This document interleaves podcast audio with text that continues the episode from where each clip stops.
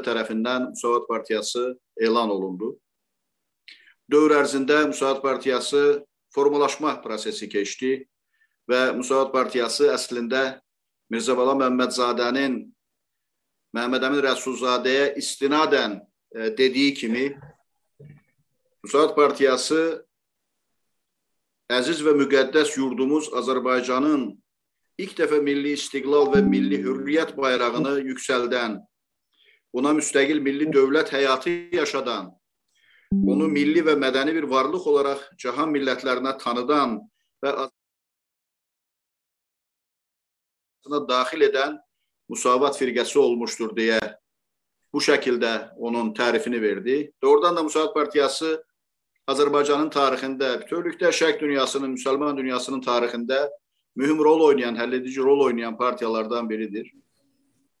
Həmin dövrdə hətta 1917-ci ildə e, Rusiyada, Moskvada keçirilən Rusiya müsəlmanlarının qurultayında Məhəmməd Əmir Rəsulzadə siyasi muxtariyyət məsələsi qaldıranda dövrün çox böyük türkçü, milliyyətçi mütəfəkkirləri belə bu ideyanın əleyhinə çıxırdılar və Rusiya imperiyasının parçalanmasının həm təhlükəli olduğunu, həm də ziyanlı olduğunu dilə gətirirdilər. Ancaq zaman Məhəmməd Əmin Rəsulzadənin və Müsaad Partiyasının haqlı olduğunu sübut etdi. Xüsusilə 1917-ci ildə Rusiyada baş verən Burjuva Demokratik İnqilabından sonra yaranmış siyasi vəziyyət, eyni zamanda Gəncədə fəaliyyət göstərən Nəsib bəy Yusuf bəylinin rəhbərlik etdiyi Türk Ədəmi Mərkəziyyət Partiyasının Musavat Partiyası ilə birləşməsi Musavatın tam şəkildə güclənməsi təkcə Azərbaycanda yox, bütün Güney Qafqazda ən güclü siyasi partiyaya çevrilməsinə səbəb oldu.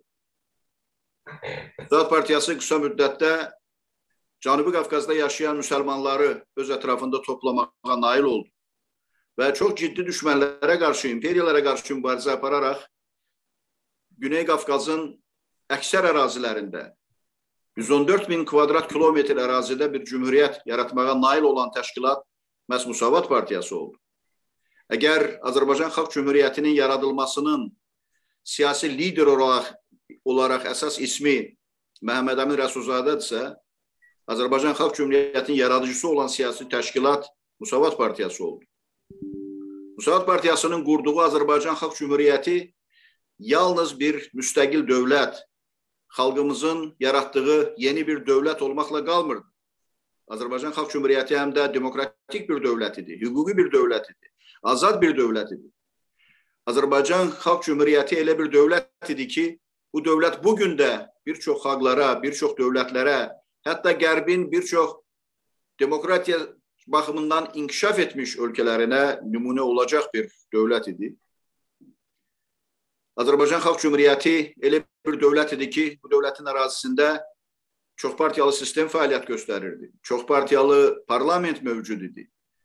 Siyasi pluralizm mövcud idi. Söz və ifadə azadlığı, sərbəst toplaşma azadlığı, seçmək və seçilmək, eyni zamanda qadınların seçmək və seçilmək hüquqları var idi ki, bu hüquqlar o dövrdə, hətta indiki dövrdə bir çox ölkələrdə hələ də tətbiq olunmayan demokratik azadlıqlar fundamental insan haqları. Təsadüfi deyil ki, Amerika Birləşmiş Ştatlarının indiki prezidenti Joe Biden hələ Amerikanın vitse-prezidenti olduğu dövrdə İlham Əliyevə göndərdiyi məktubda bu xalq cümhuriyyətinin, yəni Azərbaycan xalqı tərəfindən, Musavat Partiyası tərəfindən, Böyük Məhəmməd Əmin Rəsulzadə tərəfindən yaradılmış e, ötən əsrin əvvəllərindəki xalq cümhuriyyətinin hətta bu gün də, bugünkü Azərbaycan Respublikasına nümunə ola biləcək eyni zamanda bütövlükdə dünya demokratiyasına nümunə olacaq dövlət kimi səciyyələndirmişdi. Müsaad Partiyasının fəaliyyəti 1920-ci ildə 28 aprel işğalından sonra aradan qalxmadı. Müsaad Partiyası bundan sonra da öz fəaliyyətini davam etdi. Cümhuriyyət ideyalarının, istiqlal ideyasının, istiqlal mənfkurəsinin yaşamasından ötürü Məhəmməd Əmir Rəsulzadə başda olmaqla bir çox Azərbaycan xalqının o dövrkü ziyalıları, ziyalı elitası, Müsaad Partiyası üzvləri istiqlal mücadeləsini bundan sonraki dövrdə də davam etdirdilər. Təsadüfi deyil ki, yalnız 1920-ci ilin 28 aprel tarixindən 1923-cü ilin avqustuna dək 48 min Azərbaycanlı repressiya qurbanı oldu ki, onların əksəriyyəti Müsavat Partiyasının üzvləri və müsavatçılar idi. Bundan sonraki dövrlərdə də Məhəmməd Əmin Rəsulzadə başda olmaqla Müsavat Partiyası mühacirətdə öz fəaliyyətini davam etdirdi və Məhəmməd Əmin Rəsulzadə öz həyatının sonuna dək bu mübarizəni dayandırmadı. Həyatının sonuna dək Müsavat Partiyasına rəhbərlik etdi. Və Məhəmməd Əmin Rəsulzadənin o dövrdə yazdığı məqalələr, Müsavat Partiyasının 1936-cı ildə qəbul olunmuş yeni proqramı, Müsavat Partiyasının və Məhəmməd Əmin Rəsulzadənin birbaşa iştirakı ilə, rəhbərliyi ilə çıxarılan qəzetlər, jurnallar Azərbaycanda istiqlal ideyasının ölməsinə imkan vermədi. Məhəmməd Əmin Rəsulzadənin dediyi kimi bir kərə yüksələn bayraq bir daha enmədi. Məhəmməd Əmin Rəsulzadədən sonra da Musavat Partiyası öz mövcudluğunu davam etdirdi. Bugün də Musavat Partiyası 1991-ci ildə Musavat Partiyasının 5-ci başqanı İsa Qəmbərin rəhbərliyi altında bərpa olunduqdan sonra həmin ideyalar, həmin dayaqlar, həmin təməl prinsiplər üzərində öz fəaliyyətini davam etdirir. İstər hakimiyyətdə olduğumuz dövrdə biz çalışdıq, əlimizdən gələni etdik ki, Cümhuriyyət dəyərlərini dirçəldək, Azərbaycanda demokratik bir dövlət, hüquqi bir dövlət yaratmağa nail olaq və bu istiqamətdə çoxlu işlər görüldü. O qədər işlər görüldü ki, 30 ilə yaxın bir müddətdə avtoritar Əliyev rejimi o dövrdə yaratdığımız demokratik institutları məhv edib sıradan çıxarmağa çalışsa da, bugünə dək həmin institutlar hansısa şəkildə, zəifləmiş şəkildə də olsa, təqib və təzyiq altında da olsa, tam şəkildə dağıdılıb, məhv edilib, sıradan çıxarılmayıb. İstiqlal ideyası daha da möhkəmlənib. Azərbaycanda Müsavat Partiyasının təməl prinsiplərinə uyğun olan bir dövlətin qurulması uğrunda düşünən, bu barədə fəaliyyət göstərməyə hazır olan və fədakar mübarizəyə hazır olan minlərlə, on minlərlə adam var ki, bəs bu adamların fəaliyyəti, bu mübarizə nəticəsində Azərbaycanda demokratik bir cəmiyyətin, azad dövlətin qurulacağına inamımız e, daim yaşayır. Müsaad Partiyasının bütövlükdə fəaliyyətini üç mərhələyə bölmək olar. Bu 1911-ci ildən 20-ci ilə qədər olan fəaliyyət dövrüdür ki, bu əsasən Azərbaycanda həmin dövrdə gedən inqilabi siyasi proseslər dövrünə təsadüf edir. Azərbaycan Xalq Cümhuriyyətinin qurulması və Azərbaycan Xalq Cümhuriyyətinin Rus işğalı nəticəsində süqutu ilə bağlı olan dövrdür. Çox şərəfli və çox vacib bir dövrdür. Həmin dövrdə bir çox ideyalar təkcə Azərbaycanda yox, bütün müsəlman şərqində Müsavat Partiyası tərəfindən yayıldı və həmin dövrdə Müsavat Partiyasının fəaliyyəti nümunəvi bir fəaliyyət kimi hər kəs tərəfindən, vicdanlı hər kəs tərəfindən etiraf olunur.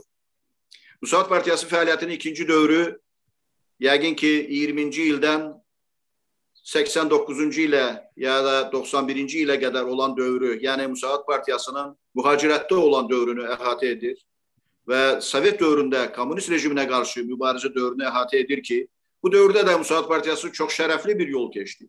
Salavki yolunu keçdi, qətillər yolunu keçdi, ancaq öz inqilabi mübarizəsini dayandırmadı və istiqlal ideyasını bir məşəl kimi indiki nəsillərə, sonraki nəsillərə gətirib çıxartmağa nail oldu.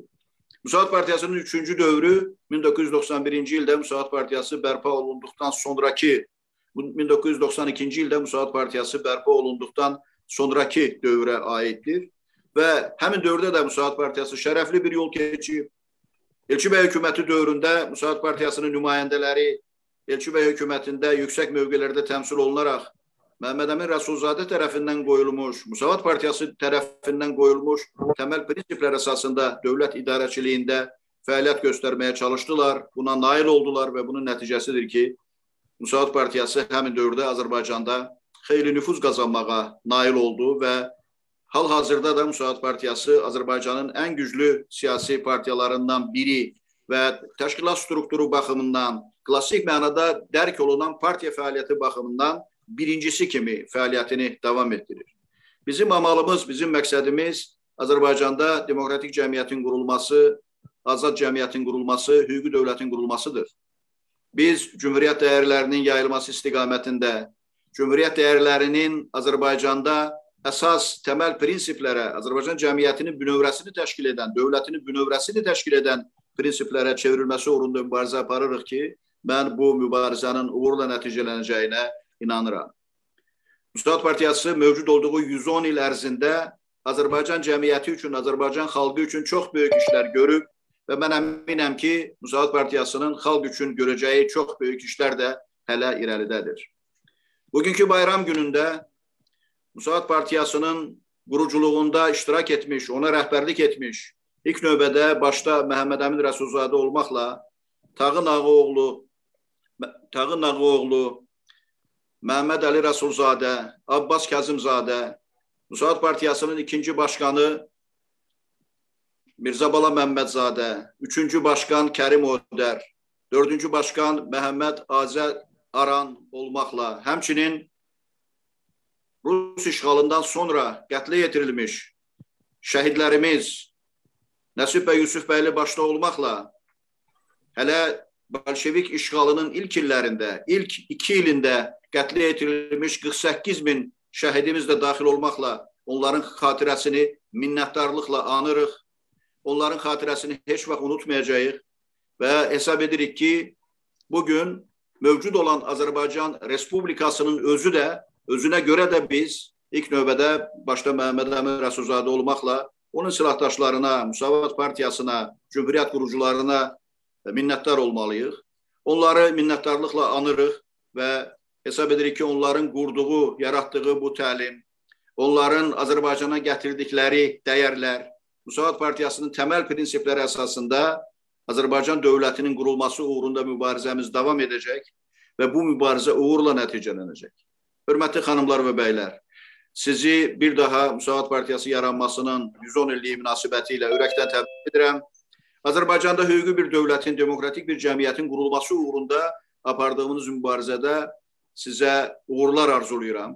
Bu münasibətlə bütün Azərbaycan xalqını təbrik edirəm. Çünki Müsavat Partiyasının yaranması təkcə Müsavat Partiyası üzvlərinin yox, bütün Azərbaycan xalqının, Azərbaycanın gələcəyini düşünən hər kəsin bayramıdır ki, bu bayram münasibəti ilə bütün Azərbaycan xalqını təbrik edirəm. Hörmətli xanımlar və bəylər, növbəti çıxış üçün sözü Müsavat Partiyasının 5-ci başqanı, Milli Strateji Düşüncə Mərkəzinin sədri İsa Qəmbərə verirəm. Buyurun İsa bəy.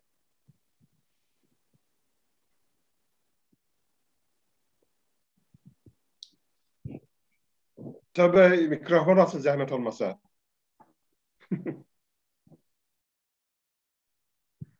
Hörmətli başqan, təşəkkür edirəm.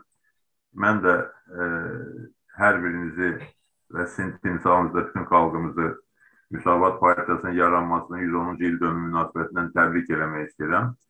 Bu, Azərbaycan xalqının tarixində ən şərəfli günlərdən biridir, ən şərəfli hadisələrdən biridir.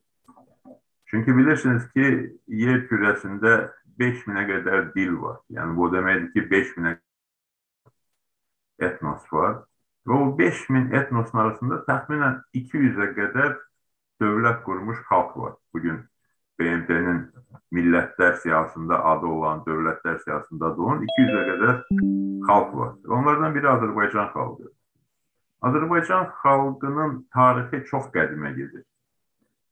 Və bizim ərazilərimiz oğurlandığı kimi müxtəlif qüvvələr, qonşular, böyük dövlətlər tərəfindən, kiçik dövlətlər tərəfindən Bizim tariximiz də xeyli dərəcədə oğurlanıb və mənimsənilib. Zaman gələcək ki, Azərbaycan tarixinin gerçək mənzərəsi, gerçək faktları sübut olmuş şəkildə təqdim olunanda nəinki bütün dünya, xalqımızın da önəmli bir hissəsi təəccüblənəcək. Çünki çox möhtəşəm tariximiz var, çox qədim tariximiz var. Və tarixin ən önəmli istiqamətlərindən biri xalqımızın tarix boyu yaratdığı dövlətlərdir say əsaslı dövlətlər yaratmışıq. Böyüklü, kiçikli, bugün də dünyada adı ən böyük tarixin qədim dövrün ən böyük dövlətlərindən biri kimi çəkilən dövlətlər var. Kiçik dövlətlər qurmuşuq, adı unudulan dövlətlər qurmuşuq. Və bu dövlətlərin siyasında müasir dövlətimiz, 1918-ci ildə qurulmuş cümhuriyyətimiz xüsusi yer tutur. Birincisi ona görə ki, bu dövlətimiz təxminən 200 ilə yaxın davam edən əsirlikdən sonra, müstəmləkədən sonra qurulubdur. yəni uzun müddətli müstəmləkə dövründən də sonra öz müstəqilliyini qazanmağa qadir olan xalq hər cür hörmətə layiq bir xalqdır. Və üstəlik də ki, xalqımız bir dəfə yox, iki dəfə bu müstəmləkəyə qarşı, Rusiya imperiyasına qarşı mübarizə aparıb, 18-ci ildə dövlətimizi qurub, 1991-ci ildə isə müstəqilliyimizi yenidən bərpa edib. Birinci bu fakt önəmlidir. İkincisi də ki, 1918-ci ildə qurulan dövlət sıradan bir dövlət deyildi. Bu şərqdə ilk demokratik dövlət idi, ilk parlamentli cumhuriyyət idi. Bütün şərqə və əslində qalsa elə dünyanın özünə də önəmli bir nümunə olan bir dövlət idi. Və bu dövlətlə bizim fəxr etməyə tam hüququmuz var, haqqımız var. Bu dövlətin qurucuları da ilk növbədə bütövlükdə Müsavat Partiyasıdır. Eyni zamanda Müsavat Partiyasının rəhbərliyidir. Müsavat Partiyasının Məhəmməd Əmin Rəssadə başda olmasına qurucu babalarıdır. Bu insanlar möhtəşəm bir addım atıblar. 110 il əvvəl, sonraki mərhələlərdə və dünyanın ən qarışıq, çətin dövrlərində dünyanın ən çətin, ən mürəkkəb regionlarının birində xalqımızın dövlət, növbəti dövlətini qurublar və o dövlətə parlament forması veriblər və e, bununla da bütün şərqə və regiona, dünya növbəti bir nümunəni təqdim ediblər. Bu dövlətin təsadüfi olmadığını sübut edən faktlardan biri də dediyim kimi 1991-ci ildə müstəqilliyin yenidən bərpa edilməsindədir və 92-ci ildə Müsavat Partiyasının fəaliyyətinin Azərbaycanda yenidən bərpa edilməsidir. Müsavat Partiyasının tarixi barədə hörmətli Arif bəy bir daha qeydlər elədi, önəmli vurğular elədi, önəmli məqamlara toxundu. Ona görə mən o barədə geniş danışmaq fikrində deyiləm. Amma sadəcə olaraq xatırlatsaq ki, Müsavat Partiyası Məhəmməd Əmin Rəssadə başda olmaqla bu dəyərləri 70 il ərzində qoruyub saxlayıb. Çünki 18-ci ildə başqa xalqlarda dövlətlər qurublar. Qonşularımız, digərləri müxtəlif dövlətlər qurublar. Ancaq dövlətlər yad, milli yaddaşlarda, milli şuurda və tarixşünaslıqda qorunub saxlanıla bilməyibdir. Ona görə də 91-ci ildə SSR dağılarkən, yeni müstəqil dövlətlər ortaya çıxarkən çox az xalq Azərbaycan xalqı kimi milli irsə əsaslanaraq özünün 18-ci ildə qurulmuş dövlətini bərpa etdiyini bəyan edə bildi. Və bu irsin qorunmasında Məhəmməd Əmin Rəssadənin Müsavat Partiyasının e, xidməti misilsizdir. Rəsulzadə özü 1955-ci ilə qədər bu irsi yüksək səviyyədə qoruyub, saxlayıb, sadəcə qorumuyub, həm də inkişaf elətdirib, gəlişdiribdir. Yeni ideyalarla zənginləşdiribdir. Dövrün tapıntıları ilə, dövrün inkişafı ilə ayaqlanan bir nəzəriyyə kimi müsavatçılığı yaşadıqdır, davam etdiribdir. Və ətrafında çox önəmli insanlar yetişdirib. Rəsulzadənin ətrafında müsavatın növbəti başqanları, növbəti rəhbərində iştirak eləmiş şəxslər möhtəşəm işlər görüblər. Və son mərhələdə də e, Məhməd Kəngərlinin adını burada çəkmək məncə çox önəmlidir. Çünki Məhməd Kəngərli uzun illər bu irsi yaşadan, qoruyan və irsin Azərbaycana təqdim olunmasında həllici rol oynayan şəxsiyyətlərdən biridir. Onunla yanaşı e, yenə də Əhməd Qaracanın adını çəkmək olar və bu gün də həyatda olan hamımızın ağsaqqal kimi qəbul etdiyimiz böyük tarix şəxsiyyət hörmətli Cəmil Ünalın adını çəkə bilərik. Bu şəxsiyyətlər bu irsi qoruyub saxlayıb Azərbaycana təhvil verilməsində həllici rol oynadılar. Və bu gün də həmin şəxslərin yetirdiyi gənclər Azərbaycan Kültür Dərneyi adı altında irsimizi qoruyurlar, bir ocaq kimi yola davam edirlər Bu bizim üçün həddindən artıq önəmlidir. Şəxsiyyətlərin rolu çox önəmlidir. Və Müsavat Partiyasının tarixinə baxsaq, bu tarix hər zaman ziyalıların yaratdığı tarix kimi qarşımıza çıxacaq. Məhəmməd Əmin Rəssadə də çox böyük mütəfəkkir idi. Onun əsərləri, əsərləri, fikirləri, ideyaları doğrudan da yüksək bir səviyyəli filosofun və yüksək səviyyəli bir ideoloqun yaratdığı bir irsdir. Və ondan sonraki dövrdə də onun yanındakı insanlar da intellektuallar idilər. Mirzə Baba Məmmədzadə Sarbon Universitetinin professoru idi və digərləri. çox görkəmli şəxsiyyətlər oldu. Və e, onlarla yanaşı həm də 20-ci ildən sonra Azərbaycanda qalmağa məhkum olan Azərbaycanda yaşayıb yaradan Üzeyir Hacıbəyli kimi, Cəfər Cabbarlı kimi digər görkəmli şəxsiyyətlər məncə Müsavat Partiyasının fəxridir və bizim də hamımızın fəxrimizdir. Mən də fürsətdən istifadə edib bir məqama da diqqət yetirmək istəyirəm ki, Müsavatın müasir tarixi də önəmli dərəcədə ziyalıların tarixidir. 91-92-ci ildə biz Müsavat Partiyasını bərpa edərkən o bərpa e, qrupunun, bərpa e, mərkəzinin siyasına diqqət edin. Əksəriyyəti Azərbaycanımızın ən görkəmli ziyalıları idilər. Onların bir qismi dünyasını dəyişiblər, haqq dünyasına qovuşublar. Bir qismi bugün də həyatdadırlar. Çox görkəmli şəxsiyyətlər. Bəzən biz e, müxtəlif mərhələlərdə ziyalılarımızın müsavat müsavatın bərpasında və fəaliyyətin önəmli rol oynamış ziyalılarımızın sonraki siyasi mövqeyi ilə bağlı narahatlıq keçirdiyi, narazılıq keçirdiyi və təbii ki, biz bunda haqlıyıq. Ancaq bu məsələlərdə də bir qədər məncə daha tarixi yanaşmaya üstünlük verməliyik. Yəni çünki biz ən sərt qəddar yanaşma xəttinə keçsək, o zaman biz e, Üzeyir Hacıbəylinin də müsavatçılığını e, sorğulaya bilərik ki, müəyyən dövr Müsavat Partiyasının üzvü olan, çox önəmli xidmətləri olan böyük şəxsiyyət sonraki dövrdə SSR şəraitində yaşamağa məcbur olub, o dövrün qay oyun qaydalarını qəbul etməyə məcbur olub və bir sıra başqa böyük şəxsiyyətlərdir. Yəni bu məsələyə məncə daha diqqətli yanaşmamız e, işin xeyrinə olar. Eyni zamanda bugün Ziyalılar Müsavat Partiyasının ən böyük resurslarından biridir həm ideyanın daşıyıcılarıdır, həm də resurslarından biridir. Misal, dövr mürəkkəb dövrdür. Təəssüf ki, ziyalıların bir çoxları əksəriyyəti əsnə qalsa, ürəkləri Müsavat Partiyasının bir olsa da bu mövqeyi sərgiləməyə çətinlik çəkirlər.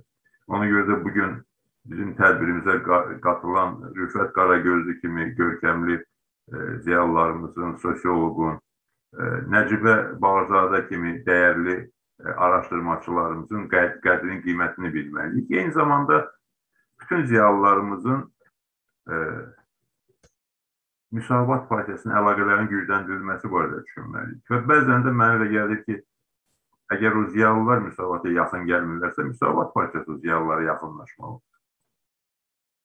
Bugün də bir çox alimlər var, ziyalılar var ki, Müsavat Partiyasının tarixini, Cumhuriyyətimizin tarixinin araşdırılması üçün öyrənilməsi üçün kifayət qədər möhtəşəm fəaliyyət göstərirlər. Onların hər il çıxan yeni-yeni kitabları, məqalələri e, məncə zaman-zaman hamımızın diqqətini cəlb edir.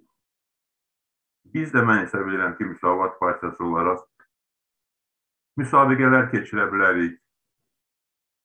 Həm e, tanınmış ziyalılar arasında tutaq ki, 2024-cü il yaxınlaşır. Müsavat Partisi Lətifzadənin doğumunun növbəti il dönümü yaxınlaşır, yubiley il dönümü. Nədən bir e, müsabiqə elan edib, e, ziyalılar da bu müsabiqədə iştirakə cəlb etməyib. Niyə gənc ziyalıların müxtəlif formalarda müsavata, e, müsavatla bağlı tədbirlərdə, tutaq müsabiqələrdə iştirakını təmin eləməyib? Niyə hər il yeni-yeni çıxan kitabların içindən birini, ikisini seçib onların təqdimatlarını keçirməyək, onların yaradıcılarının ən azı bizim fərmanlarımızla, bizim təqdirlərimizlə e, qeyd olunmasını həyata keçirməyək. Yəni bu cür çox üsullar, imkanlar var ki, e, bu dəyərlərin yaşadığını və bu dəyərlərin önəmini cəmiyyətə, xüsusən də gənclərə təqdim edə bilər. Çünki müsavatın gücü hər zaman ziyalılar olubdur və gənclər olubdur. Və bu gün də ziyalıları, gəncləri müsavatın üzvlüyünə cəlb etməsək də, müsavatla birlikdə fəaliyyət göstərməyə, ən azı müsavatın intellektual fəaliyyətində, ideoloji fəaliyyətində iştirakını təmin etməyə bizim resurslarımız var və məncə bu barədə e, düşünməyə dəyər. Ümumiyyətlə, tarix müsavatın tarixi. Azərbaycanın müstəqillik tarixi Müsavat Partiyasının tarixidir. Azərbaycanın müstəqillik uğrunda mübarizə tarixi müsavatın tarixidir. Və ona görə də bu tarix bizim resursumuzdur. Bu tarixin 1911-ci ildən başlamış, bugünə qədər hər bir ilində müsavatın nişanələri var.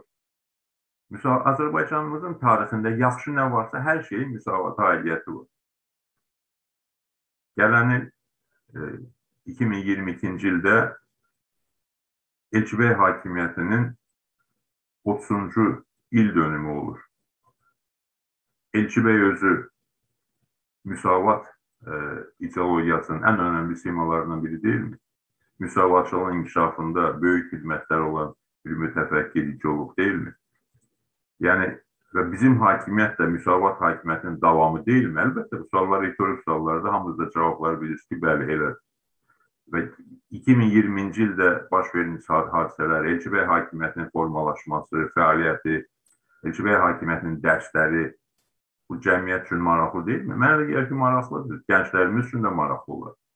Və həmin ildə baş vermiş hadisələrin il dönümlərini qeyd eləmək, onun ətrafında ziyalılarımızın, intellektuallarımızın, gənclərimizin bu və ya başqa formada iştirakını təmin etmək məncə həm Azərbaycanımızın xeyrinədir, həm də ki, müsavatın xeyrinədir. Əslində yenə deyirəm, Azərbaycan üçün yaxşı olan hər bir şey müsavat üçün yaxşıdır və müsavat üçün də yaxşı olan hər bir şey Azərbaycan üçün yaxşıdır.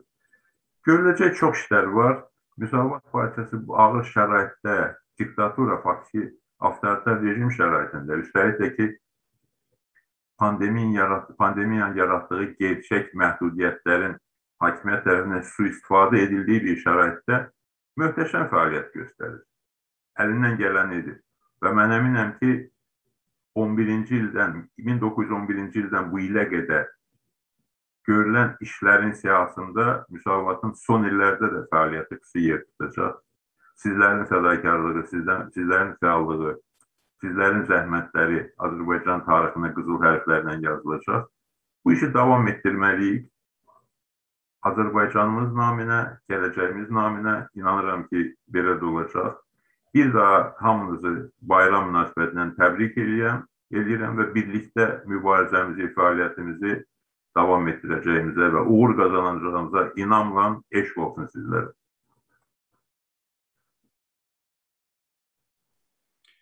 Çox sağ olun İsa bəy. Məzmunlu çıxışınıza görə sizə təşəkkür edirəm. Doğrudan da 18-20-ci illərdə bilirsiniz ki, Azərbaycandan başqa Cənubi Qafqazda daha iki dövlət yaranmışdı. O Gürcüstan Respublikası və Ermənistan Respublikası idi.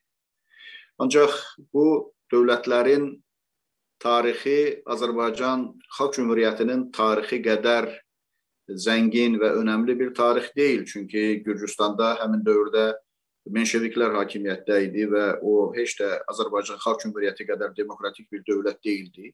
Eyni zamanda Ermənistanda daşnakların bir hakimiyyəti qurulmuşdu ki, daşnak hakimiyyəti də demokratik bir hakimiyyət, azad bir hakimiyyət deyildi. Həmin illərdə Orta Asiya respublikalarının xalqları da azadlıq uğrunda mübarizə aparırdılar. Rusiya imperiyasına qarşı Rusiyanın həmin əraziləri, yəni bolşeviklər tərəfindən yenidən işğal edilməsinə qarşı mübarizə aparırdılar. Ancaq e, bu mübarizədə məğlub oldular və həmin dövrdə öz dövlətlərini qurmağa nail ola bilmədilər.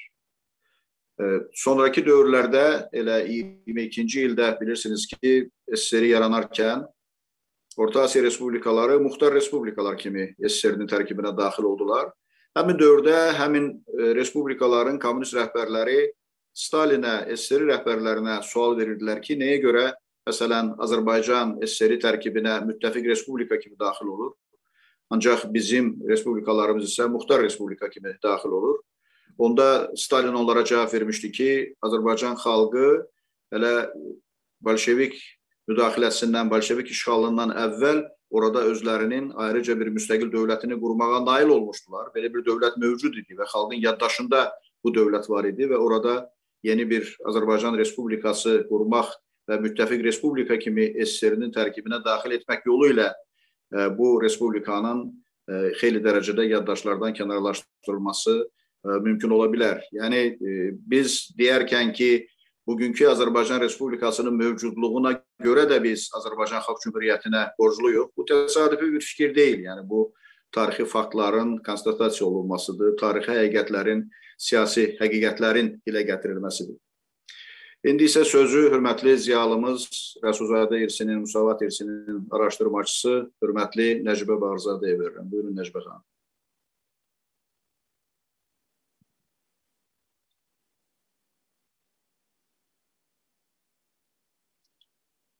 Nəcibə xanım buradadırmı? Nəcibə xanım buradadır. Yəqin səs problemi var onda nəsə elə. Görüntüsü varmı? Mən görürəm Nəcib xanım, bəli görürəm. O eşidirmi bizi? Mən də görürəm Nəcibə xanımı. Nüşabə xanım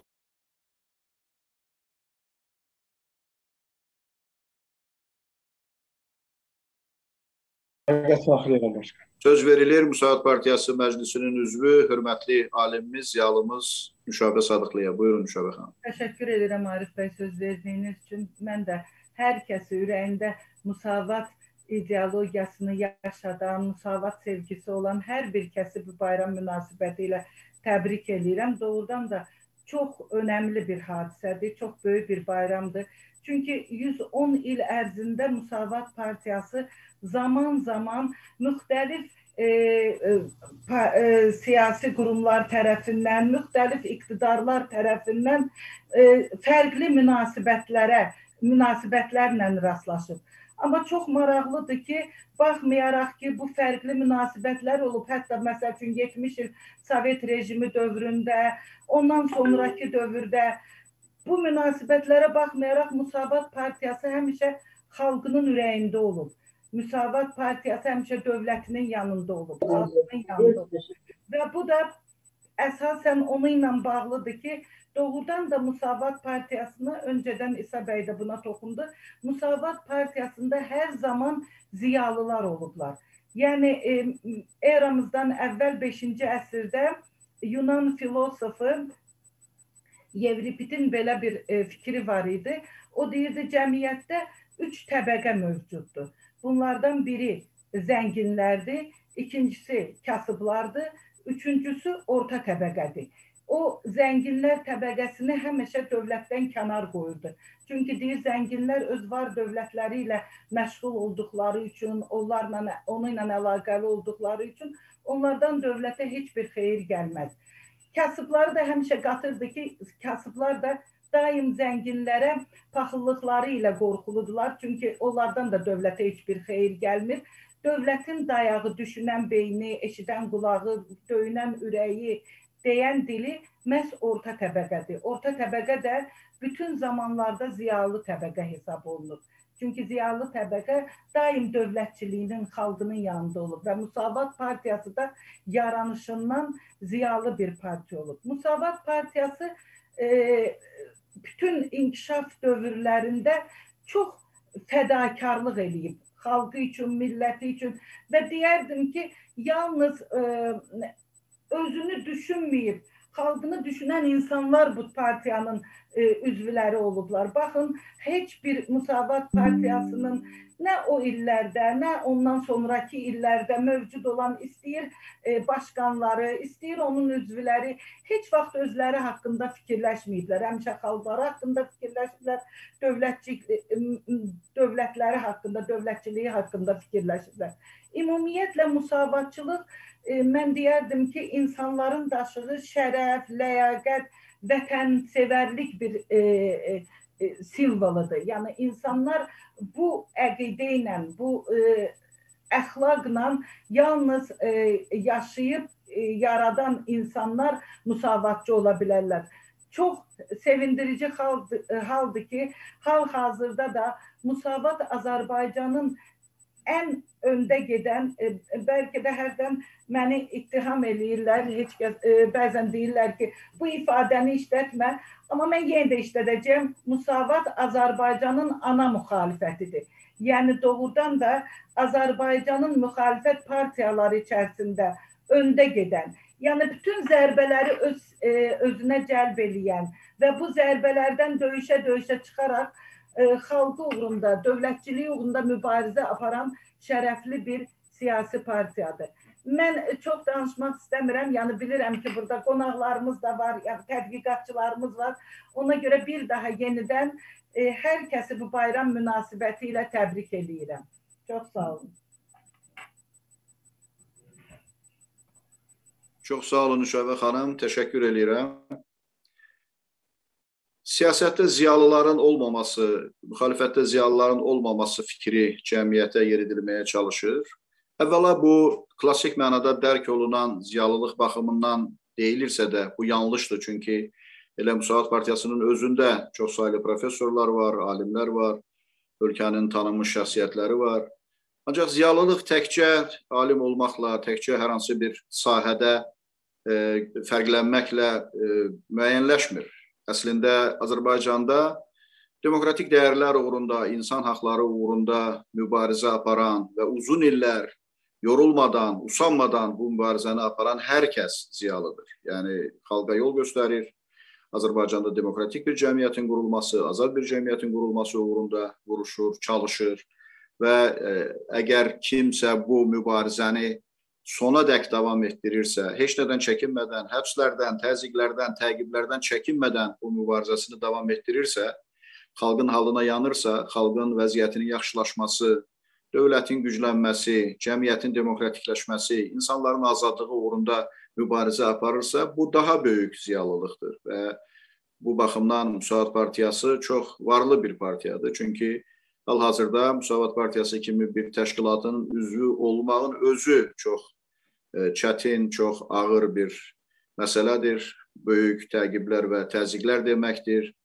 E, hansısa elm sahəsində çalışırsansa, bu sahədə problemlərinin hansısa e, deyək ki, ixtisas üzrə mütəxəssissənsə, o sahədə inkişafının, elm sahəsində çalışırsansa, bu sahədə inkişafının yolunda böyük bir maniyə deməkdir. Bütün bunlara baxmayaraq Müsaad Partiyasının üzvü olaraq qalan şəxslər tarixi şəxsiyyətlərdir və Azərbaycanın mən hesab edirəm ki, hər biri Azərbaycanın ziyalısı olan şəxslərdir. Bu təkcə Müsaad Partiyasına yox, Azərbaycanda digər başqa bəzi e, insan haqları, demokratiya və azadlıqlar uğrunda mübarizə aparan partiyaların üzvlərinə, eyni zamanda hər hansı bir partiyanın üzvü olmadan da e, xalqın ümumi işinə dəstək verən, xalqın ümumi problemlərinin həll olunmasına çalışan, tarixi həqiqətlərin, siyasi həqiqətlərin ictimaiyyətin diqqətinə çatdırılması üçün fədakarlıq edən insanların hamısına aiddir.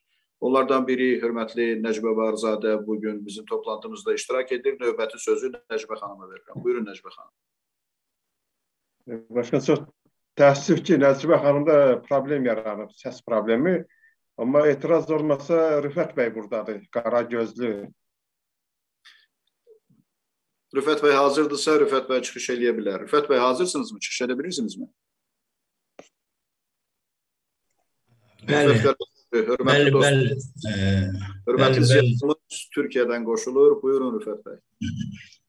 Hörmətli xanımlar və bəylər, hörmətli başqan, hörmətli İsa bəy, ə, hər birinizi ürəkdən salamlayıram. Bu əlamətdar gündə çox ə, ürək açan bir hadisə oldu. Bu 100 illik yubiley ə, çox böyük belki de sona kadar derk etmeli. Çünkü denildiği kimi de ve bildiğimiz gibi musavat e, gerçekten de ümit yerimizdi. Azerbaycanlıların asıl insanların düz do, e, dürüst insanların e, ümit yeridir. Çünkü e, hayat ele getirdi ki e, Azerbaycan e, uzun tarixin boyu əsarətdə olmuş bir cəmi ölkə idi. Ən son 200 ildən də çox biz müstəqilliyimizi yaşaya bilməmişdik. Və yalnız çox qısa zamanlarda yaşadıq və nəhayət e, 91-də yenidən bərpa olundu və bu son 30 ildə də e, istədiyimiz kimi e, yaşaya bilmirik, amma mübarizə davam edir və bu mübarizədə də müsavat mübarizənin özüdür demək olar. Başında gedən və binövrəsini qoyan e, başlıca qüvvədir və burada e, bu qədər fədakar insanları görməkdən çox mutlu, mutluluq duyuram doğrudan da gerçəkdən də. ona görə eşq olsun hər birinizə. Bir iki kəlmə də mən deyim. Deməli, müsavatın məncə bizim iki əsas ümdə məsələmiz var da qarşımızda. Biri müsavatın daim mütərəqqi olması. Çünki müsavatçılıq haqqında deyilirdi, amma e, mən düşünürəm ki, kifayət qədər yetərincə bu barədə yazılmıyor bəlkə ədəbiyyat və cəmiyyətdə bu istədiyimiz səviyyədə yayılmıyor mənə görə. Ki, yaxşı olardı ki, təbii ki, bunun da səbəbləri var. Mövcud şəraitdə, mövcud diktatura şəraitində bu eşit asan iş görülmür, görünmür. Məsələn, kitabların çapı, Rəsulzadanın kitabları. Məsələn, mən yadımdadır ilk e, oxuduğum e, Rəsulzadanın kitabı Əsrimizin Siyavuşu. O Rusya e, də, e, çap olmuşdu. E, hat, e, bir, o da çox kiçik həcmdə. O kitabı mən əldə etmək istədim, dostumdan aldım, amma dedi bir dənə də verə bilmərəm nüsxəsini. Elə də əlimdə qalmadı o kitab, amma e, sonralar bəlkə çıxdı, bilmirəm. E, Azərbaycanda dərc olundu ki, amma e, istərdim ki, o kitablar tək o deyil. Bu yaxınlarda məsələ İsa bəyin e, çox sağ olsun təqdimatı ilə e, mövzu qalxmışdı Milli Strateji Mərkəzdə mübahisə, debatlar çərçivəsində türkçülük və millətçilik və s. Təbii dedi ki, belə oxu bu kitabı maraqlı burada e, Məhəmməd Əminin e, görüşləri var, baxışları var uzun o kitab şəklində deyil, o zamanında Parisdə bir konferansda çıxış eləmişdi və o Rusiyadır. Rusiya e, demək e, Sovet Sovetlər İttifaqının immigrantları cəmiyyətlərinin e, konferansında çıxış elədiyi bir çıxış e, mətni idi. Onu Rusiya o vaxtları Azərbaycan zaten Rusiya e, oxumuşdu. Çünki orada millətlər, fərqli millətlər var idi. Ve o ben okuduk, tanış oldum ve çok meraklı. Doğrusu indi ona toxunmaq istemiyorum burada çok. Özüme necə deyim, ahenk olan, yakın olan fikirleri onun o çıxışında gördüm. Ve emin oldum ki ben doğru yoldayım. Belə deyək də indi təvəzzəkarlıqdan bir uzaq olsa o millətçilik, o türkçülük, turançılığı baxımından. Çünki turançılıqdır, millətçilikdir. Bu kəskin, bu çox vacib olan məsələlərə bu mən dediyim məsələ o kitablar yazılması lazım ki, və, və yaxud da artıq e, məsələn Məmməd Əmin Rəsulzadə kimi e, bünövrəsinə qoymuş adamın öz e, görüşləri məlum olsun ki, cəmi bizlərə heç olmasa cəmiyyətə də biz çatdıraq ki, bilək ki, biz nəyin mübarizəsini aparırıq, mübarizəsini aparırıq. Deməli, turançılıqdır, türkçülükdür, bunun bir e, məişət forması var. Məişət, yəni biz hamıdan yaxşıyıq, biz türküyük, biz belə eləyək. Bu bir e, bu bizə yaraşmaz, biz musavatda. Bəziləri belə qavrayır. Məsələn, musavatçılar millətçilərdir. Təbii ki, millətçiyiz biz, Azərbaycanlı türlər. Biz kimi ki, biz gedib gücü şey yapmayız, eləməyik ruslar. Təbii, amma e, bunun incə e, yerləri var. O kəskin, o, əsas o məsələ incə yerlərə toxunulması lazım. Yoxsa ki, belə hər kəs, hər şey aydındır. Azərbaycan nömrə bir olsun.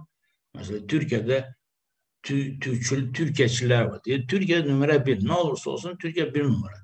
Təbii ki, bizə xoş gəlir, çünki Türkiyə bizim qardaş doğma ölkəmizdir, amma ə, demokratik inkişaf baxımından axı Azərbaycan ilə Türkiyənin özü də çox millətli dövlətlərdir.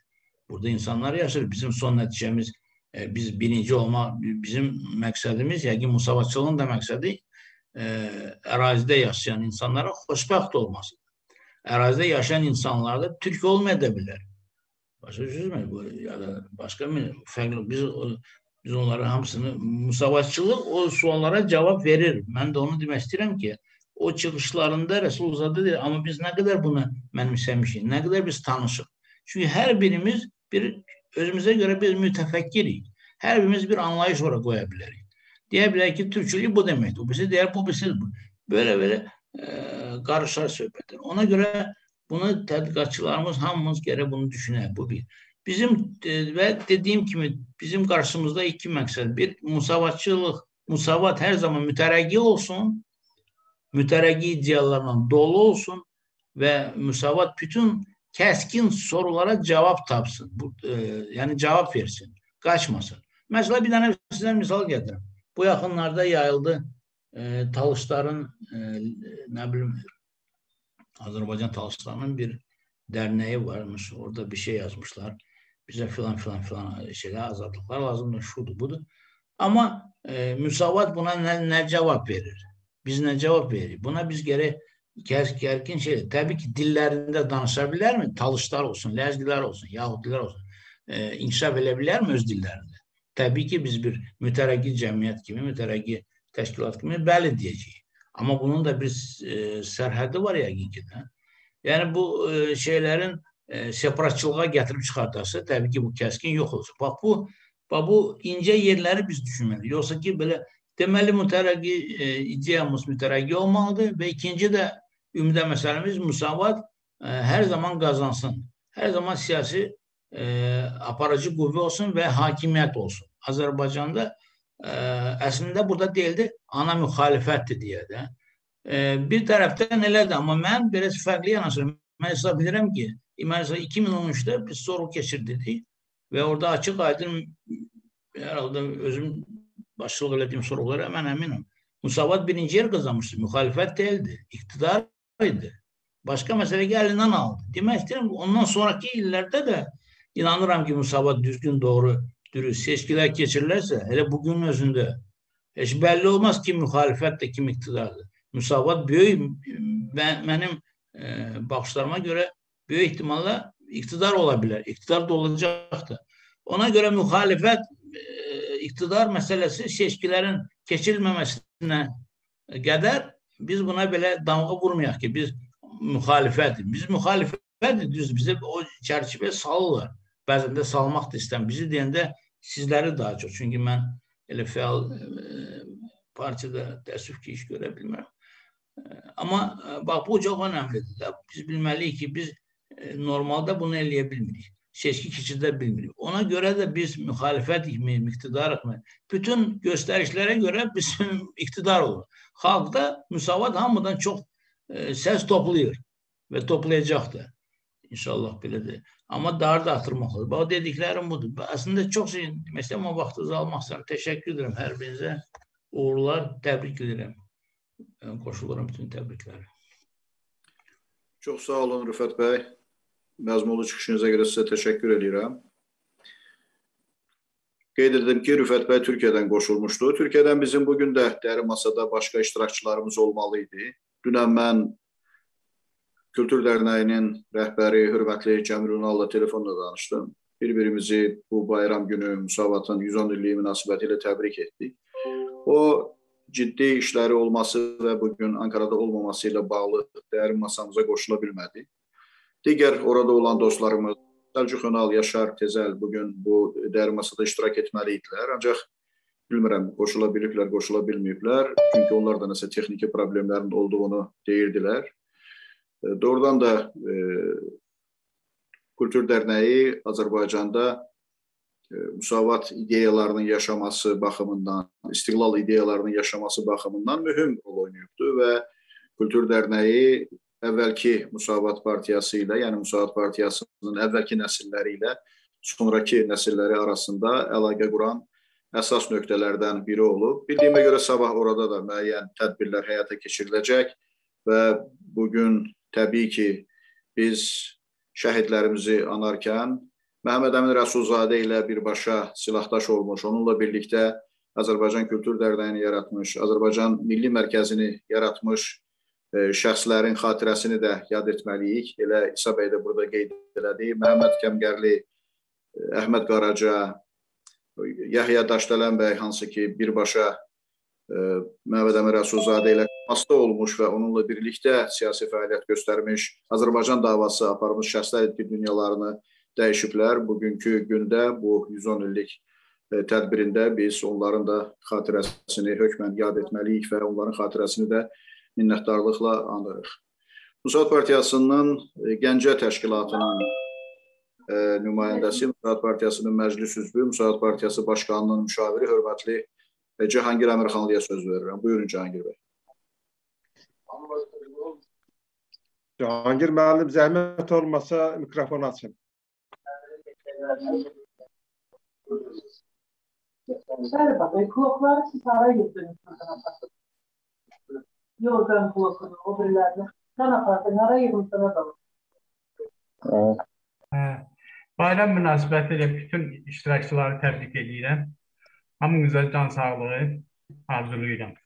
Birinci onu deyim ki, müsavatın təşkili 11-ci ildə müsavatın təsis olunması dünyada ən mühüm hadisələrdən biridir və biz Azərbaycanlı olaraq ən böyük bayram kimi qəbul edirik.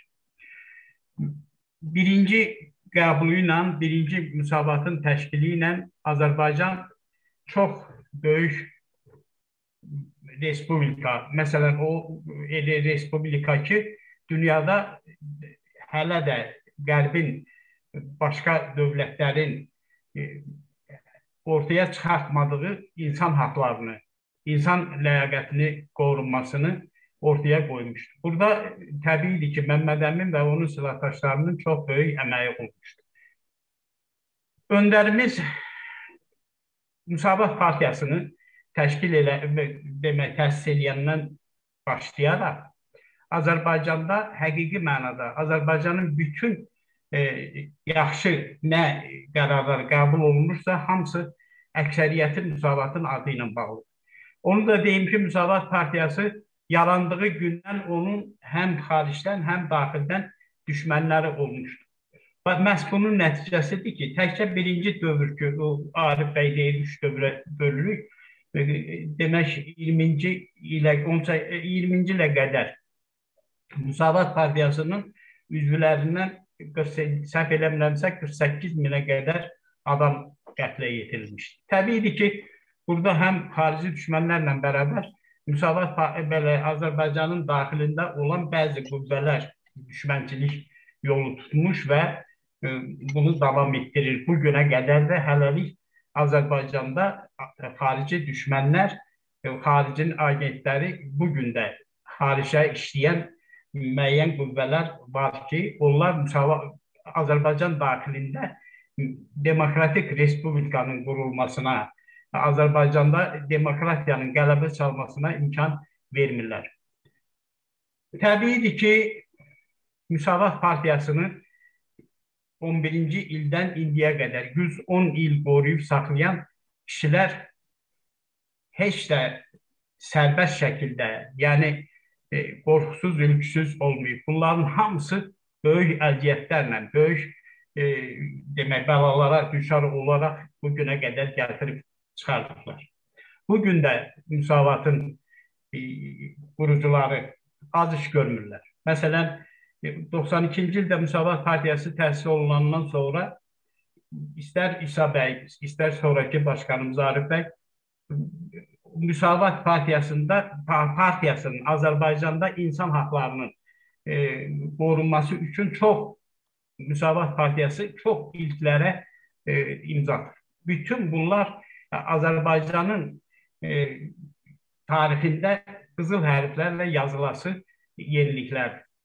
Mən bayram münasibəti ilə bütün e, Azərbaycan xalqını, müsavatçıları, bütün Azərbaycanda yaşayan xalqların hamısını təbrik edir.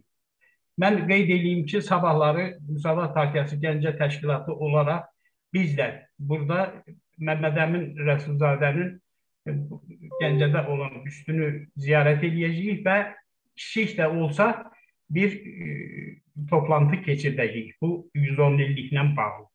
Bir daha sizi təbrik edirəm hamınızı, bütün Azərbaycan xalqını, bütün müsavatçıları təbrik edirəm. Allah korusun sizi. Tamam. Çox sağ olun Cahangir bəy, təşəkkür edirəm. Doğrudan da Müsaad Partiyasının 110 illiyi daha təntənəli qeyd olunmalı bir bayramdır və biz ilin əvvəlindən bu istiqamətdə müəyyən addımlar atmağı planlaşdırırdıq. Ancaq bir tərəfdən Azərbaycanda avtoritar bir rejimin özünü müsavata rəqib sayan bir E, iqtidarın olması, digər tərəfdən pandemiya səbəbi və bəhanəsi ilə e, ciddi tədbirlərin, aksiyaların keçirilməsinə maneçilik törədilməsi nəticəsində biz bu məhdud imkanlardan faydalanmalı olduq. Günlərdə Müsaad Partiyasının divan üzvü professor Almaz Əli qızı Müsavat Partiyasının 110 illiyinə həsr olunmuş çox yaxşı bir məqalə yazıb sosial media üzərindən və bir çox saytlarda bu məqalə dərc olunub. Eyni zamanda Müsavat Partiyasının 110 illiyini ictimaiyyətin diqqətinə çatdırmaq məqsədi ilə Müsavat Partiyasının rəhbərliyinə daxil olan bir çox şəxslər, elə məclisimizin sədri Müşabə Sadıqlı, başqa bizim partiya üzvlərimiz sosial medianın verdiyi imkanlardan istifadə edərək bu günün diqqət mərkəzində olmasına çalışıblar. Bugünkü dəyəri masanın keçirilməsində də məqsəd bu tariximizi xatırlamaq, bu tariximiz haqqında öz fikirlərimizi səsləndirmək, eyni zamanda Azərbaycan ictimaiyyətinin diqqətinə çatdırmaqdır.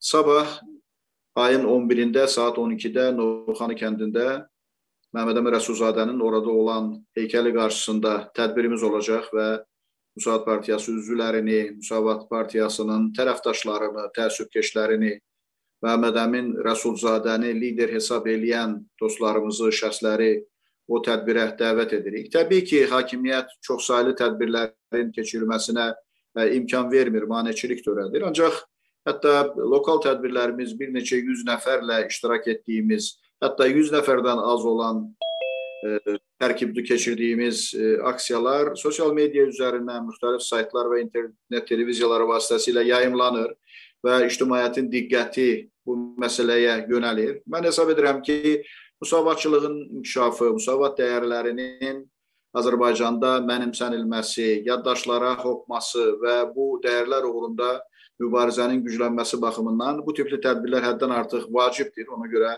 Xahiş edirəm ki, kimin imkanı varsa sabah saat 12-də Novxanı kəndində biz e, görüşək. Müsaad Partiyasının e, bərpa mərkəzinin üzvü olmuş şəxslərdən biri də hörmətli Mirbaba Babayevdir. Mirbaba bəy bilirsiniz ki, Azərbaycan Xalq Hərəkatının önəmli semalarından biridir. Azərbaycan Xalq Cəbhəsinin e, qurucularından biridir və Azərbaycan Xalq Cəbhəsinin rəhbərliyinə daxil olan şəxslərdən biridir. Sonrakı mərhələdə xeyli dövrdə xüsusilə Müsaad Partiyasının bərpası və bərpa edilmiş Müsaad Partiyasının formalaşması işində çox ciddi işlər görmüş bir siyasi xadimdir, ziyalımızdır. O bizim dəyərli masamızda iştirak edir. Sözü hörmətli Mirbaba Babayev verirəm. Buyurun Mirbaba bəy.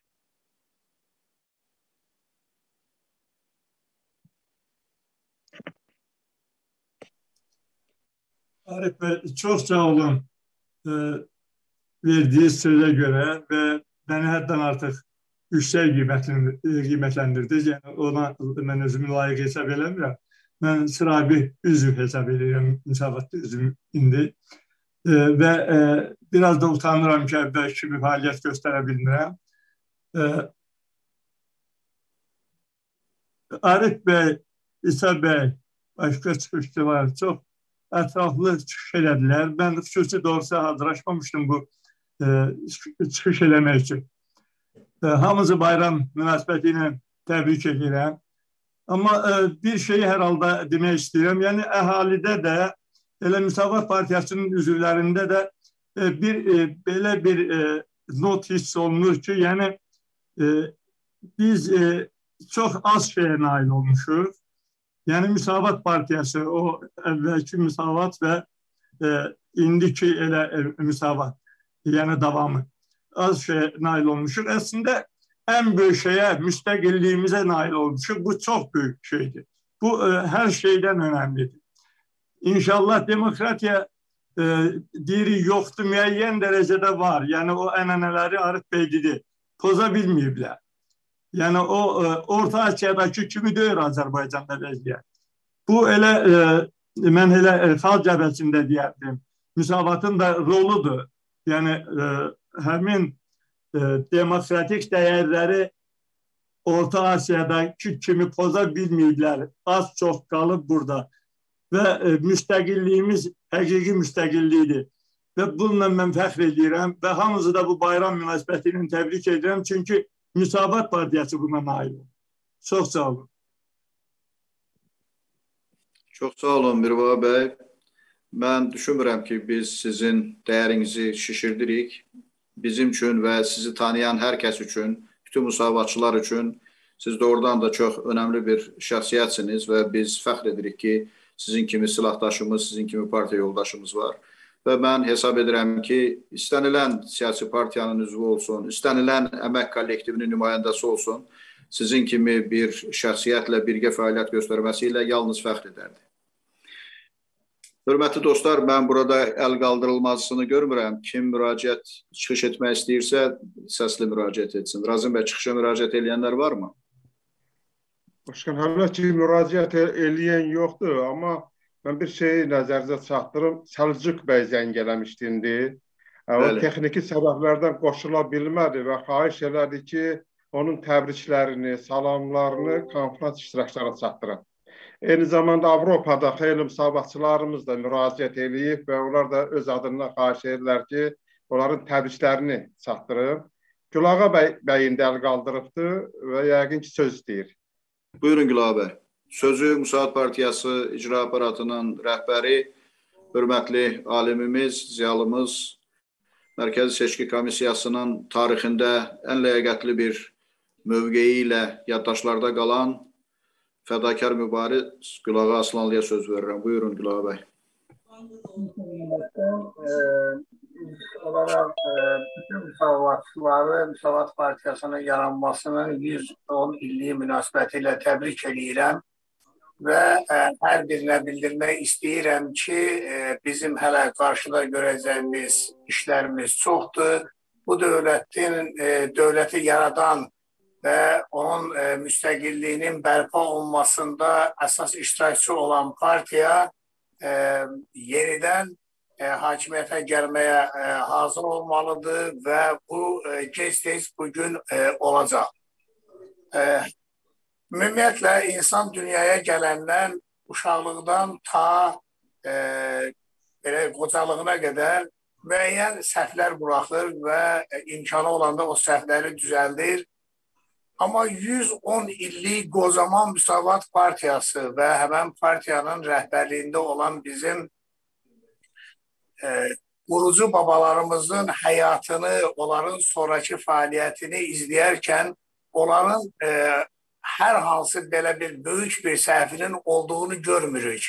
110 ildə e, hərəkətlərində bir səhvlər tapılmayan bir partiyanın e, sıralarında olmaqdan ta biz, bizim hər birimiz üçün fəxarətdir qədər və müəyyən e, həmən partiyanın tapşırıqlarını yerinə yetirmək və e, nəhayət 110 ildə biz azad e, cəmiyyəti yaratmaq bizim boynumuza düşür və bu istiqamətdə partiyanın fəaliyyətinin daha da artırılması üçün əlimizdən nə gəlirsə onu etməyə hazırıq və e, mən hesab edirəm ki, Müsavat Partiyasının buna gücü çatar. Müsavat Partiyası bunu eləməyə qadirdir və e, bunu həyata keçirəcək. Fürsətdən istifadə eləyib e, bu günləri e, demək ötən il 44 günlük müharibə dövründə e, Azərbaycan uğrunda şəhid olmuş bütün şəhidlərin e, şəhidlərə Allahdan rəhmət diləyirəm. E, qazilərə e, can sağlığı diləyirəm, Allahdan şəfa diləyirəm şəhidlərin içərisində olan Müsavat Partiyası üzvlərinin, Müsavat Partiyası üzvlərinin övladlarının olması bir daha onu göstərdi ki, bu vətən bizimdir və biz bu vətən uğrunda hər cür mübarizəyə hazırıq. Təşəkkür edirəm.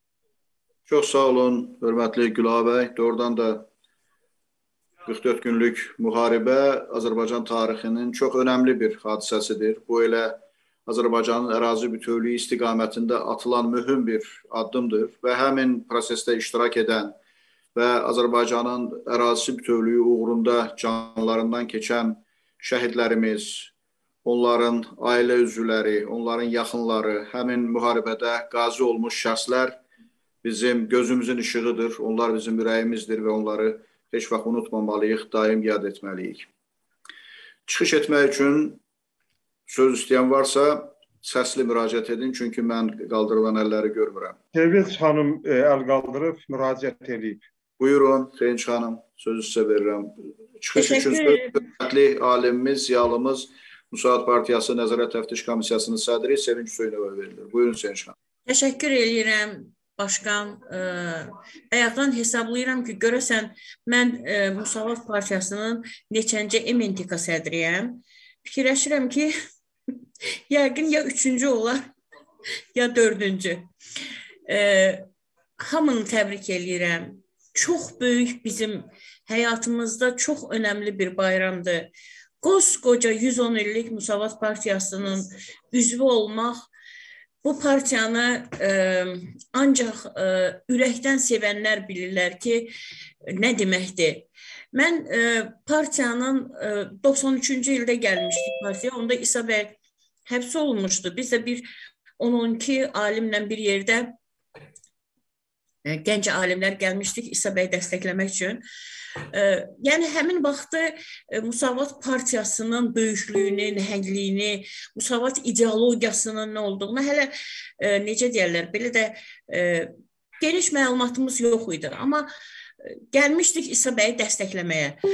Amma sonradan o partiyanın üzvü olandan sonra, o ideyaları öyrənəndən sonra bizim üçün e, Məhəmməd Əminin e, nəhəngliyini, onun ideyalarını, onun əsərlərini oxuyandan sonra partiyanın özünün böyüklüyünü görəndən sonra o partiyaya elə bağlanmışıq ki, Yəni o şey demişkən bəzən deyirlər, e, buradan bizim ancaq meyitimiz çıxar. yəni e, partiya bizim üçün çox önəmli, çox əziz, çox böyük bir dəyərdir. Mən e, bir şey qeyd etmək istəyirəm ki, və çox sevinirəm. Bizim müsavatçıların bir xalqın qarşısında bir məsuliyyəti var. Hərdən deyirlər filan partiyanın üzvü, məsələn, Yeni Azərbaycan Partiyasının üzvündə filan yerdə tutdular, filan cür hərəkət oldu. Görürük də. Həmişə deyirəm ki, bu bizdə heç vaxt mümkün olan şey deyil ki, bizim partiyadan kimisə belə bir vəziyyətdə olsun. Çünki məsuliyyətimiz var. Azərbaycan xalqı qarşısında məsuliyyətimiz var. Çünki elə dəyəri daşıyırıq ki, o Azərbaycan xalqının həm taleyidir, həm tarixidir.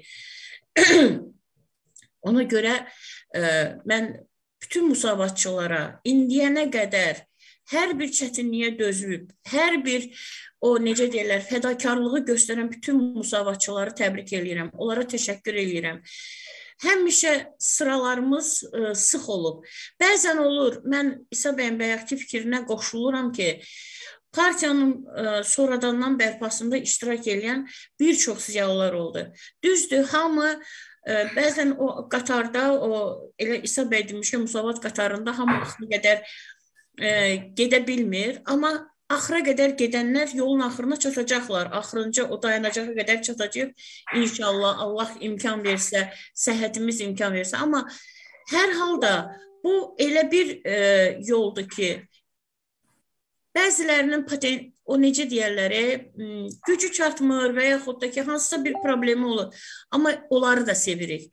Onlara da böyük hörmət bəsləyirik. Çünki həmin adamların açdığı cığırla mən həmişə deyirəm, çox çətin yollarla, çox çətin cığırla sonra arxadan o gələnlər olur.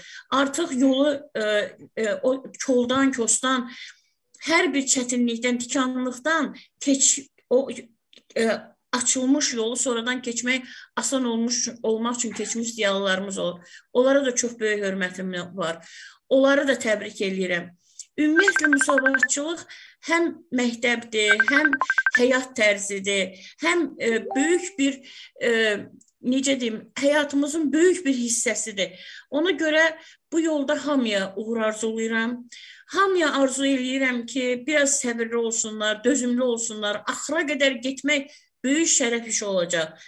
Vallah biz e, indi Mirbaba bəy də salamlayıram burada. Alimlərin, alimlər tarixdə elmi əsərləri ilə qalırlar da. O da e, müəyyən müddət keçəndən sonra, əsərlər kö köhnələndən sonra yenilərinə baxırlar. Heç e, adam bilmir öləndən sonra o qalacaq tarixdə yoxsa yox. Amma müsavatçı olmaq, Müsavat partiyasında müəyyən mövqe tutmaq o deməkdir ki, vaxt gələcək müsavat tarixini mütləq yazacaqlar. Həm yeni tarixini, o deyirlər yeni Azərbaycan Azərbaycanın yeni tarixi, müasir tarixi, Azərbaycanın qədim tarixi. Müsavat partiyasının da yeni tarixi yazılacaq və orada ə, həm divan üzvlərinin adı göstəriləcək. Necə ki biz oxuyurduq ki, falan vaxtı falan kəslər divan üzvü, həm oradakı başqanlar, oradakı məclis üzvləri, həm biz özümüz üzvlər Kədləri xüsusilə.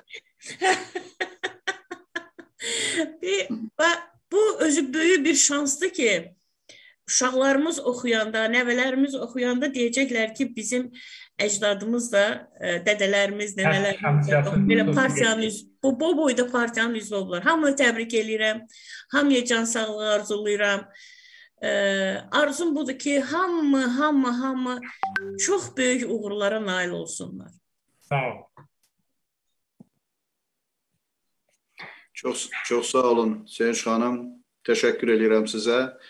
Təbii ki, Müsavat Partiyasına hansısa dövrdə, hansısa bir sahədə e, dəstək vermiş, Müsavatın ümumi işinə, Azərbaycanın ümumi işinə töhfələr vermiş hər kəsə təşəkkürümüzü bildiririk. Ancaq bizim üçün ən əziz olan və Azərbaycan üçün ən yadda qalan olan yolu sona dək davam etdirənlərdir. Yəni bu yol yorulmayan, usanmayan, hakimiyyət perspektivi olmayanda da, həbslər, təqiblər, təzyiq olanda da müsavatçı olaraq qalmağı bacaran və müsavat işini, ümumxalq işini e, Məhəmməd Əmin Rəsulzadənin dediyi kimi Azərbaycan davasını sona dək davam etdirənlər əsl ziyalılardır. Yəni ziyalıların ziyalıları məhz e, bu şəxslərdir. Ona görə xüsusilə o şəxslərə öz təşəkkürümüzü bildiririk və bu gün ilk növbədə həmin şəxslərin, həmin adamların bayramıdır ki, bu işi davam etdirirlər, bu işin qırılmasına, dayanmasına imkan vermirlər. Çıxış eləmək üçün müraciət edən varmı, hörmətli Razım bəy? Qəmələ gəlir ki, yoxdur. İkram bəy əlin qaldırıb, yəqin. Buyurun. Buyurun.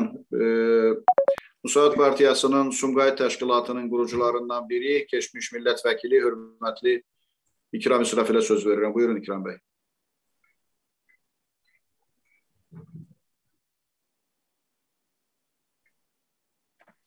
Kiram bəy, bir dənə zəhmət olmasa mikrofonu açın. Çox hörmətli başqan, dəyərli İsa bəy və tədbir iştirakçıları hər birinizi görməkdən şadam və səsizi eşitdim, daha da xoş oldu. Ə, hörmətli başqan, dəyərli İsa bəy, sizin timsalınızda bütün müsabatçıları Azərbaycanda yaşayan Avropada yaşayan Müsavat AKM-in üzvlərini bu gözəl bayram münasibətilə təbrik edirəm. Və ümid edirəm ki, bundan sonraki 10 illiklərdə də Müsavat Partiyasının bu günə qədər yaşadanların nəsilləri, davamçıları bu 110 illikləri ardıcıl qeyd eləyəcəklər. Biz 3-cü 10 illikdir Müsavatda, Müsavatın 90, 100, 110-cu ilini qeyd edirik.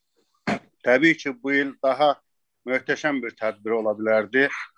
2010-cu ildə 100 illik mənim yadıma gəlir ki, bizim Gürcüstandan, Türkiyədən, müxtəlif yerlərdən qonaqlarımız vardı və e, Azərbaycanda fəaliyyət göstərən digər siyasi partiyalar təmsil olunurlar və möhtəşəm bir e, tədbir keçirilmişdi. Nə yazıq ki, bu pandemiya imkan vermədi ki, biz 110 illiyi də möhtəşəm bir e, tədbir formasında keçirərdik. Mən ümid edirəm ki, bundan sonra da müsabatın hər ili, hər 10 illikləri möhtəşəm olacaq, davamlı olacaq və mən baxıram, görürəm, mən müsabata gələndən tanış olduğum Gülaya bəy, Zöhrəb bəy, hörmətli İsa bəy, Mirvava bəy və digərləri e, ardıcıl burada qeyd olundu.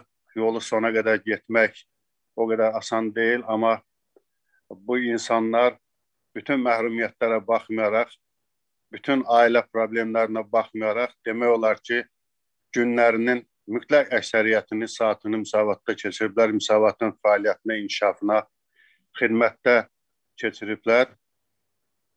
Təbii ki, bütün xidməti olanların hər birinə xüsusi təşəkkür düşür bu 110 illiyində Müsavat Partiyasının e, və hər kəsi ürəklə təbrik edirəm. Çox gözəl bir tədbir oldu. Çıxış eləyəndən hər birinə təşəkkür edirəm.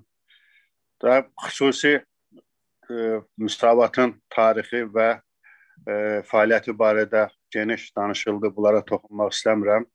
Biz də çalışaq, mən özüm öz adıma deyirəm, çalışıb müsabata layiq ola bilək və bundan sonraki fəaliyyətimizi və həyatımızı müsabatda davam eləməyə Allah bizə nəsib eləsin. Hər birinizin bir daha bayramı təbrik olsun. Təbrik edirəm. E, sağ olun, var olun. Çox sağ olun İkram bəy, maraqlı çıxışınıza görə. Doğrudan da Müsaad Partiyasının 100 illiyi xeyli təntənəli keçirilmişdi. Hələ ilin əvvəlində biz Təbriz Kinoteatrında böyük bir yığıncaq keçirmişdik və bu möhtəşəm bir tədbir idi. Təəssüf ki, sonraki tədbirlərdə, o cümlədən Müsaad Partiyası qərargahında keçirilən sizin qeyd etdiyiniz tədbirdə iştirak edə bilmədim, çünki həmin dövrdə həbsxanadaydım. Biz daim e, Müsaad Partiyasına aid olan, Azərbaycana aid olan tədbirləri təntənəli şəkildə keçiririk. Eyni zamanda onu xatırlamaq kifayətdir ki, 2018-ci ildə Cümhuriyyətin 100 illiyi ilə bağlı biz çox silsilə e, möhtəşəm tədbirlər keçirdik. Bu tədbirlər e, Almaniyanın Frankfurt şəhərində, Parisdə, Ankarada, Tbilisidə, Azərbaycanın müxtəlif ərazilərində keçirildi. Eyni zamanda Azərbaycan müxalifətinin Azərbaycanda olan siyasi qüvvələrinin ən böyük birgə toplantısı da məhz elə 28 may ərəfəsində 18-ci ildə elə bizim təşəbbüsümüzlə məhz Cümhuriyyətin 100 e, illiyi ilə əlaqədar keçirilən tədbirlər oldu. Təbii ki, əgər bu pandemiya şəraiti və pandemiya bəhanəsi ilə olan məhdudiyyətlər ortalıqda olmasa, daha ciddi tədbirlər keçirmək imkanlarımız var idi. Ancaq bununla belə biz tədbirlərimizi davam etməliyik. Əslində 110 illik elə bir e, tarixdir ki, onu ilin sonuna dək də qeyd etmək mümkündür və əgər ilin sonuna dək də pandemiya zəifləyərək müəyyən imkanlar, şəraitlər olsa, biz bu e, fürsətlərdən də yararlanmalıyıq. Eyni zamanda qeyd etmək istəyirəm ki, e, bu il elə bu ay oktyabr ayının 18-də Azərbaycanın müstəqilliyinin bərpasının 30 illiyi tamam olur. İlin əvvəlində Müsaad Partiyası bu e, tədbirin e, təntənəli qeyd olunması üçün müxtəlif tədbirlərin həyata keçirilməsini planlaşdırmışdı. Ancaq e, pandemiya səbəbi ilə biz bu tədbirlərin bəzilərini keçirə bilmədik, bəzilərini təxirə saldıq. Ancaq bununla belə oktyabr ayının 17-sində bu məzmunda dəyirmi masa keçirəcəyik. Bu gün bu dəyirmi masada iştirak edən hər kəsi həmin dəyirmi masaya da dəvət edirəm. Bundan başqa biz digər siyasi partiyaların nümayəndələrini, istiqlalçı millət vəkillərini də e, bu tədbirdə dəyər masada iştirak etməyə e, dəvət edəcəyik və bu tədbiri təşkil edəcəyik. Sabah bizim qeyd etdim ki, Novxanı kəndində e, Rəsulzadənin heykəli qarşısında tədbirimiz olacaq. Ayın 18-də isə biz Azərbaycan Xalq Hərəkatının lideri Əbülfəz Elçi bəyin Fəxri Xiyabandakı məzarını ziyarət edəcəyik və orada tədbirimiz keçiriləcək. 18 oktyabr Azərbaycan tarixinin ən mühüm günlərindən biridir. Azərbaycan hakimiyyəti hər vasitə ilə bu günü Azərbaycan xalqının yaddaşından silməyə və ya bu günün əhəmiyyətini azaltmağa çalışır. Elə bu yaxınlarda müstəqillik günü sözünün 18 oktyabr günündən götürülməsinin də əslində səbəbi budur. Mən çıxışların birində də demişəm, əslində bu bizi çox narahat etmir, çünki 28 mayda elə Azərbaycan xalqının ən böyük, ən möhtəşəm, ən nəhəng bayramlarından biridir və bu bayram da hakimiyyət hansı tərəfə məsələni çəksə də yenə birbaşa bizim sərəflərimizin adı ilə, Məhəmməd Əmin Rəsulzadənin adı ilə, Müsavat Partiyasının adı ilə bağlıdır. Çünki Azərbaycan Xalq Cümhuriyyətinin qurulması prosesinə rəhbərlik edən lider kimi Azərbaycan tarixində Məhəmməd Əmin Rəsulzadənin adını qalıbsa, bu prosesə rəhbərlik edən təşkilat kimi də adı qalan əsas təşkilat məhz Müsavat Partiyasıdır. Müsavat Partiyasının proqramı, Müsavat Partiyasının apardığı mübarizə, Müsavat Partiyasının təməl prinsipləri, Müsavat Partiyasının irəli sürdüyü ideyalar əsasında həmin cümhuriyyət qurulmuşdur və həmin cümhuriyyətin idarə olunmasında da əsas rolu məhz Müsavat Partiyası oynayırdı. Ona görə biz ayın e, 28-nin Respublika günü və eyni zamanda müstəqillik günü kimi elan olunmasına mənfi yanaşmırıq. Sadəcə olaraq e, hakimiyyətin bu məsələlərə münasibətinin səbəbi kimi məhz 18 oktyabrın məhz bizim adımızla birbaşa bugün həyatda olan hakimiyyətin oponentlərinin adı ilə bugün Müsaad Partiyasının rəhbərliyində olan Xalq Cəbhəsi Partiyasının rəhbərliyində olan şəxslərin adı ilə bağlı olmasından narahatçılığının e, nəticəsidir.